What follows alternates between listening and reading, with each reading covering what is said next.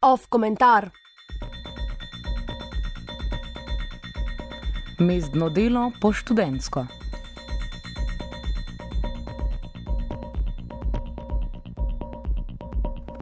Medtem ko opazujemo upadajoč trend povpraševanja po delavcih na študentsko napotnico, hkrati z njimi drsijo navzdol tudi urne postavke.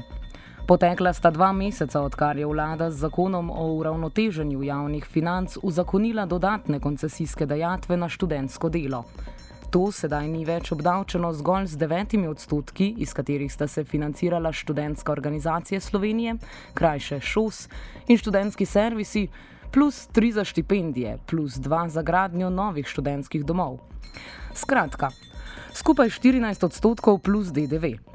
Nov zakon je šosu in študentskim servisom namreč zmanjšal in še bo zmanjšal njun odstotni delež, dajatvam pa pripojil novih 12 odstotkov, iz katerih se bodo črpala sredstva sklada za štipendije. Skupna koncesijska dajatev na študentsko delo po seštetju navedenega in prištetju dodatne dajatve sedaj znaša 25 odstotkov.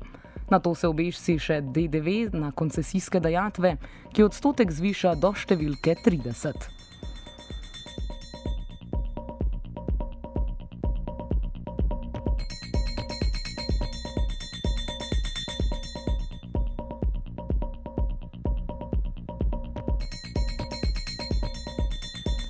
Ponazorimo ta račun, kot ga študentski servisi ponazarjajo delodajalcem. V njihovi in v retoriki koncesijskih dajatev se študentom ne sme zaračunavati posredovanja dela, to smejo zaračunati le delodajalcem.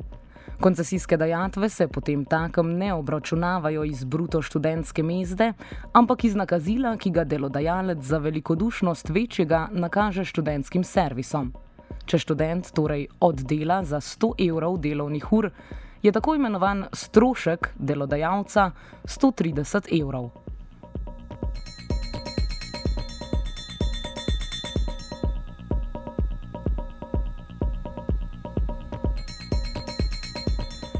To na vse zadnje ne bi bilo sporno, če bi to vrstne dajatve pobrali z namenom redistribuiranja v skupno dobro. Tako vendarle deluje redistributivna država. Plača ni mezda, saj za njo plačujemo dajatve. Te pa se nam povrnejo v obliki zdravstvenega in pokojninskega zavarovanja. Ampak ali je študentsko delo res takšno?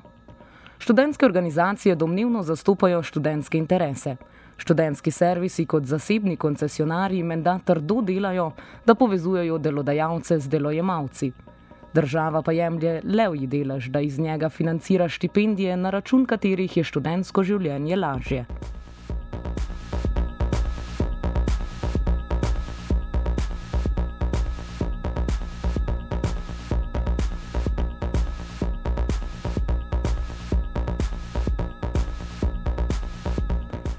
Verjetno vse lepo in prav, le da so štipendije preniske, študentje pa morajo za svoj obstoj trdo delati ali živeti pod krilom svojih staršev. Zaradi cenene narave takšnega dela so zanj do nedavna bili relativno velikodušno plačani, kar je ustrezalo tako njim kot delodajalcem. Po novem pa bodo sami sebi financirali štipendije in zato bili manj privlačni kot delovna sila. Ali naj se torej zastopa, oziroma ali naj se torej začnemo spraševati, ali kdo od upletenih sploh še zastopa interese študentov? Državni poseg je z redistributivnega zora absurden, študentska organizacija in servisi pa se v pogajanjih z državo v prvi vrsti borijo zgolj za lastne vire financiranja.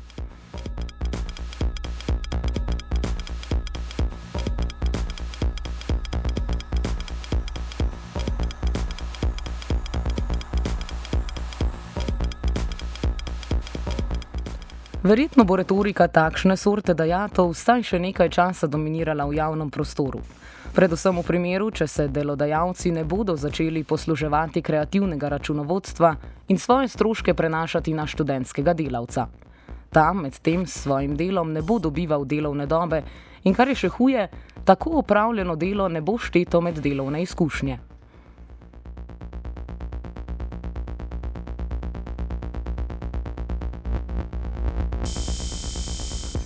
Študent je torej manj kot fleksibilna delovna sila. ostal in postal je mestni sužen, ki mu upleteni akteri odtujujejo sadove njegovih rok, ne da bi mu v zameno ponudili veliko več kot vse bolj komercialno usmerjene obštudijske dejavnosti ali v dobi informatike pregrešno drago zaračunavanje posredovanja del.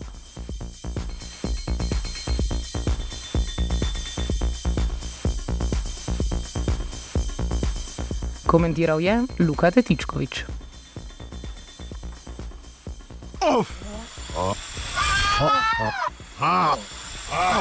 Off komentar.